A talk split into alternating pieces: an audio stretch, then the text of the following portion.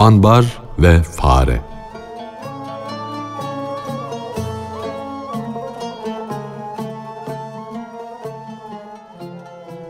Biz şu dünya ambarında buğday topluyoruz. Fakat topladığımız buğdayları kaybediyoruz.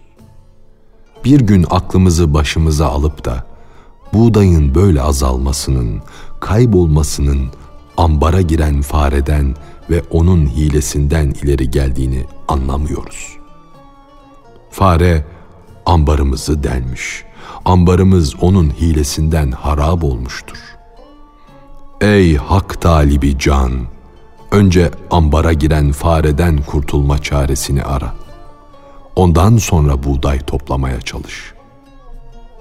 Büyüklerin büyüğü olan, gönüllere gönül kesilen sevgili peygamberimizin namaz ancak kalp huzuru ile tamam olur. Hadisini hatırla da nefsten yani şeytandan kurtulmak için kalp huzuru ile namaza başla. Eğer ambarımızda hırsız bir fare bulunmasaydı, 40 yıllık ibadet buğdayı nereye giderdi? Her gün azar azar da olsa, candan ve sevgiyle yapılan ibadetlerden, iyiliklerden hasıl olan iç rahatlığı ve huzur neden gönlümüzde hissedilmiyor? Çakmak demirinden birçok kıvılcım sıçradı. İlahi aşkla yanan gönül onları çekti, aldı. Fakat karanlıkta gizli bir hırsız var. Kıvılcımları söndürmek için üstlerine parmak basıyor. Dünyada manevi bir çera uyanmasın diye o karanlıktaki hırsız kıvılcımları söndürüyor. Allah'ım senin inayetlerin, merhametlerin bizimle beraber oldukça şeytandan, o alçak hırsızdan ne korkumuz olur? Sen bizimle beraber olup bizi korudukça ayak altında yüz binlerce tuzak olsa da önemi yoktur.''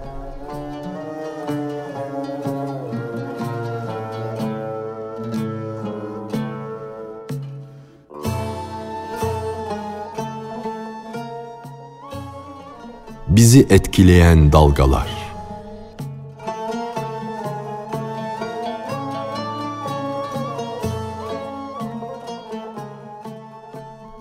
Bizim sözlerimiz, yaptığımız işler zahirde yani dışarıda yürüyüş gibidir. Batın yürüyüşümüz, gönül yürüyüşümüz ise göklerin üstüne gidiştir. Bedenimiz topraktan yaratıldığı için bedene ait duygularımız toprağı, suret alemini gördü. Can İsa'sı ise ayağını mana deryasına bastı. Suret alemine ve toprağa mensup olan şu kuru beden karada gezebilir. Canın seyri ise mana denizinin ortasına ayak basmaktır. Ömür bazen dağlara tırmanarak, bazen denizleri geçerek, bazen de ovaları aşarak bu toprak aleminde geçti gitti. Böylece kıymetli ömrünü geçim derdi uğruna şu madde aleminde harcayıp dururken mana aleminin ab hayatını nerede bulacaksın? Masiva deryasının dalgalarını yarıp da ilahi aleme nasıl geçeceksin? Şu dünya hayatında karşımıza çıkan, bize çok önemli gibi görünen çeşitli vakalar, haller, zorluklar, engeller, toprak aleminin dalgaları olup bunlar bizim vehmimizden, anlayışımızın kıtlığından, düşüncelerimizin noksanlığından meydana gelmektedir. Halbuki mana denizinin aşk denizinin dalgaları bizim vehmimizi, anlayışımızı, düşüncemizi mahveder. Bizim aklımızı başımızdan ve bizi bizden alır. Bizi kendimizden geçirir. Mest eder. Mana denizinin verdiği meslik de senin için yetmez. Bu tam ve hakiki meslik değildir. Sen bu yarı meslikte kaldıkça gerçek meslikten uzak kalırsın. Bu yarı meslik yüzünden kör olursun da gerçek meslik kadehini göremezsin. Bu dünyanın dedikodusu toz gibidir. Gönül aynasını örter. Sen aklını başına al da bir zaman için susmayı huy edin.''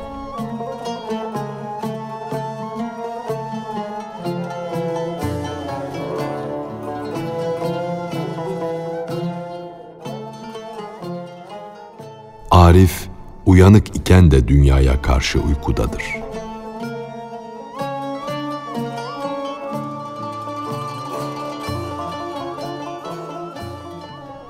Allah'ım sen her gece ruhları ten tuzağından azat eder.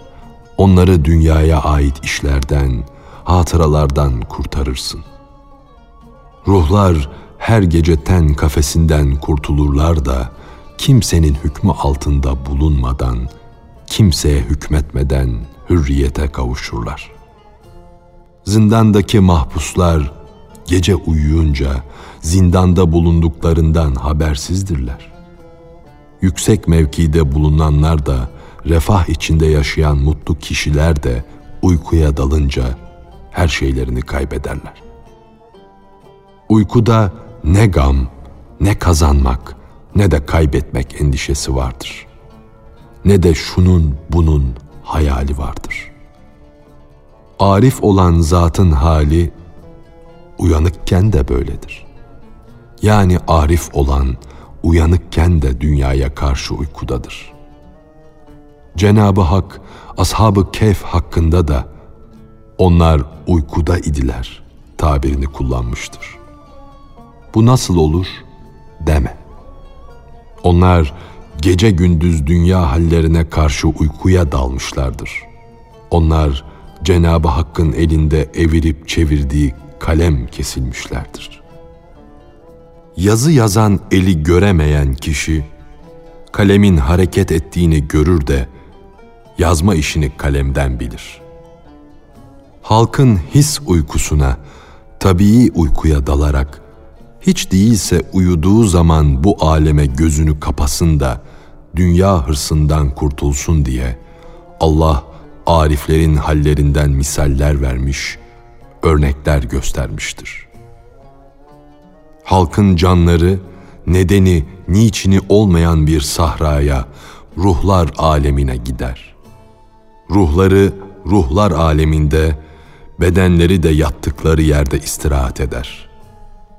Sonra ilahi bir işaretle bütün ruhları tekrar ten tuzaklarına getirir, onları iyi ve adil insan olmaya davet eder. Vaktaki seherin nuru görünür, felek akbabası altın kanatlarını çırpar, sabah olur, güneş doğar. Sabahın yaratıcısı olan Allah, İsrafil gibi bütün ruhları alır, o ülkeden, ruhlar aleminden şu görünen aleme, suret alemine getirir. Etrafa dağılmış, yayılmış olan ruhları ten ile, ceset ile bağlar. Böylece bedenleri tekrar ruhlara hamile yapar, gebe bırakır. Geceleri insanlar uykuya dalınca can atlarının beden eğerlerini soyar, alır. Uyku ölümün kardeşidir. Hadisinin sırrı budur. Fakat sabahleyin tekrar gelmeleri ve tenle ilgilenmeleri için ruhların ayağına uzun bir ip bağlar. Bağlar ki gündüz olunca o mana alemi çayırlığından geri gelsinler. Tekrar kulluk yükü altına girsinler. Keşke Cenabı Hak bu ruhu da ashabı kehf gibi yahut Nuh'un gemisi gibi korusaydı da bu uyanıklık ve idrak tufanından, bu anlayış ve akıl uçurumundan şu kalbi, şu gözü, şu kulağı kurtarsaydı. Dünyada bugün bile nice ashabı kehf vardır ki belki senin yanı başında, karşındadır. Onlara yar olan dost da şimdi mağarada onlarla sohbettedir. Fakat senin gözün ve kulağın mühürlü olduğu için bundan sana ne fayda?''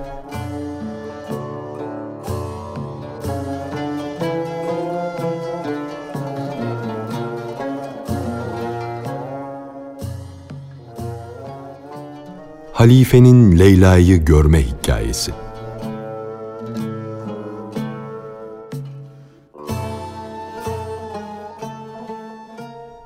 Halife Leyla'ya dedi ki, Mecnun'un perişan olmasına, sapıtmasına sebep olan Leyla sen misin? Sende başka güzellerden daha fazla bir güzellik yoktur. Leyla, sen sus.'' Çünkü sen Mecnun değilsin diye cevap verdi. Kim şu madde dünyasına daha çok düşkünse ve dünya işlerinde daha çok uyanıksa o aslında ötelerden habersiz derin uykulara dalmıştır. Manevi aleme gözleri kapalı olan böyle bir kişinin normal uykusu daha az kötülük yapacağı için uyanıklıktan hayırlıdır. Eğer ruhumuz Allah'a karşı Allah ile uyanık değilse, Allah'tan gafilse, akılla, hisle uyanık oluşumuz hak yolunda bize engel olur, perde olur, bizi ilahi tesirden uzak bırakır.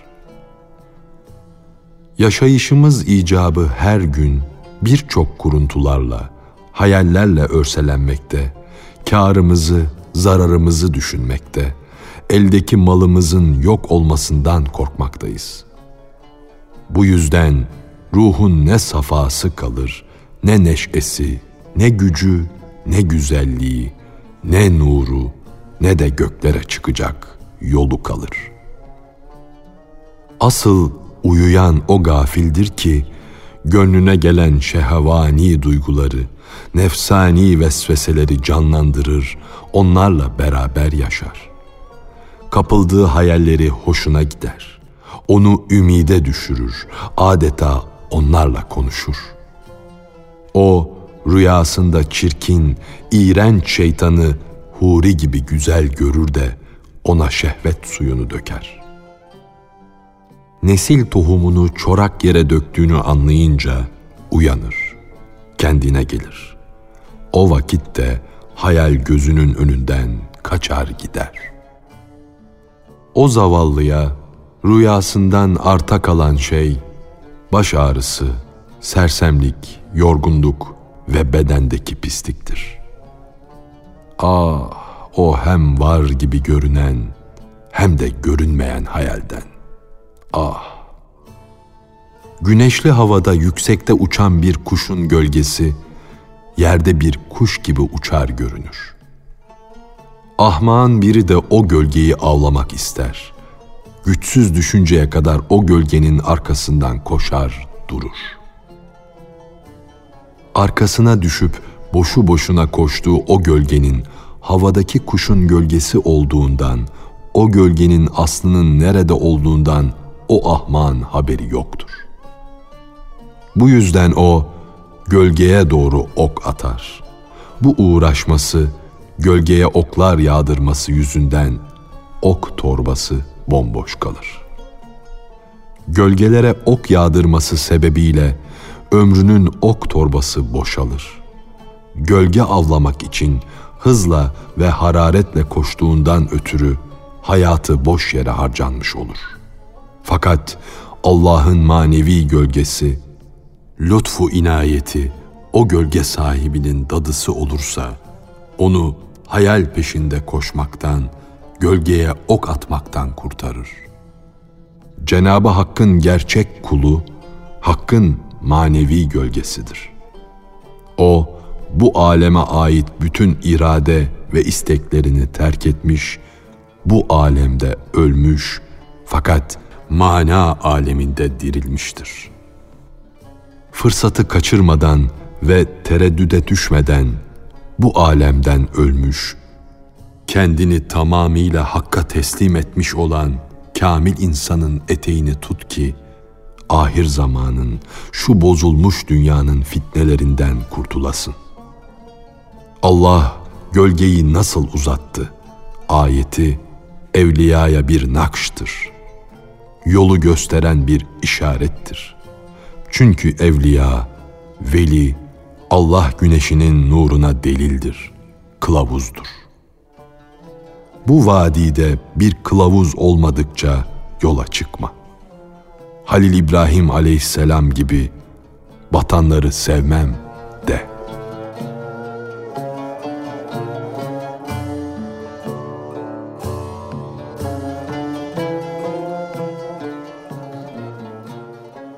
Allah'ın kudreti karşısında bu alem bir hiçten ibarettir.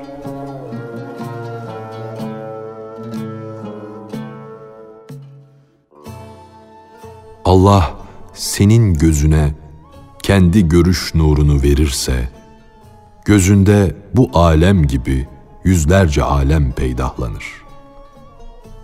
Her ne kadar bu dünya senin nazarında çok büyük ve nihayetsiz ise de bilmiş ol ki ilahi kudret karşısında o bir zerre bile değildir. Gerçekten de bu cihan sizin canlarınızın hapishanesidir. Siz asıl kendi yurdunuzun bulunduğu tarafa doğru gidiniz. İçinde bulunduğunuz bu cihan sınırlıdır, mahduttur. Halbuki öteki hudutsuzdur, sonsuzdur.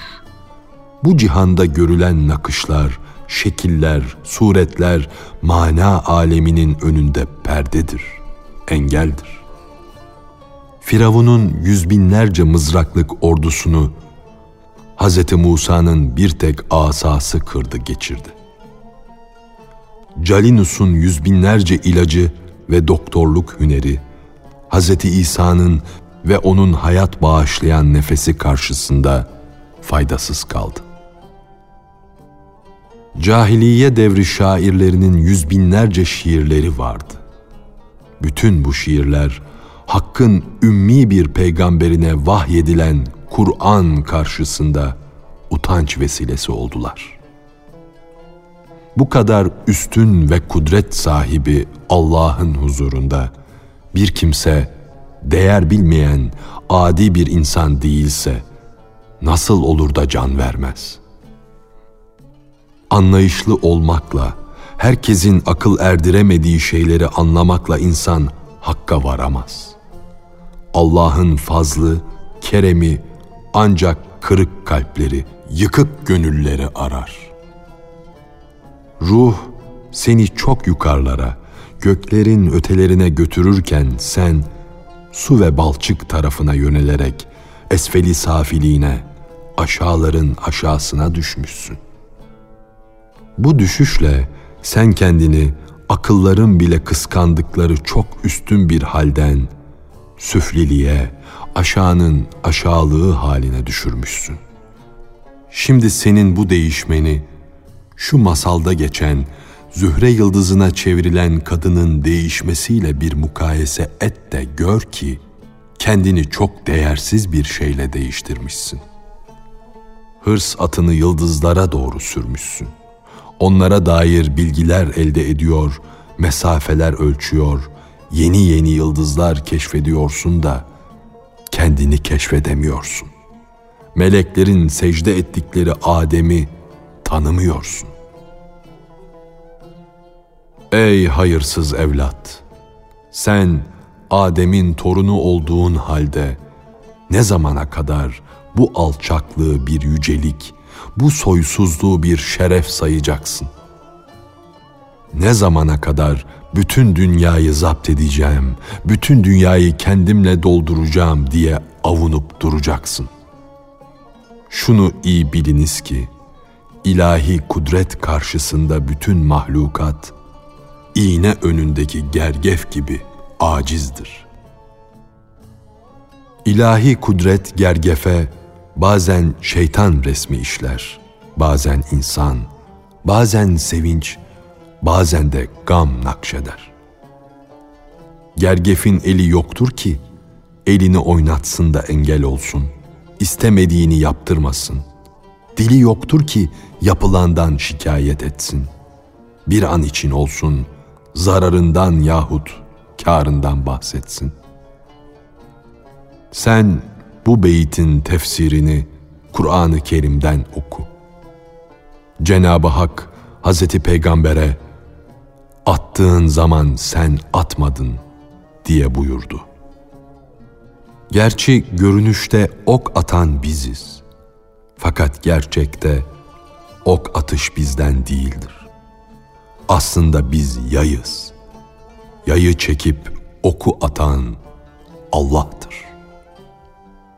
Yanlış anlaşılmasın. Bu söylenilen sözler cebir değildir. Allah'ın Cebbar isminin tecellisidir. Cebbar isminin anılması da Hakk'a yalvarmak, yakarmak ve niyaz içindir.''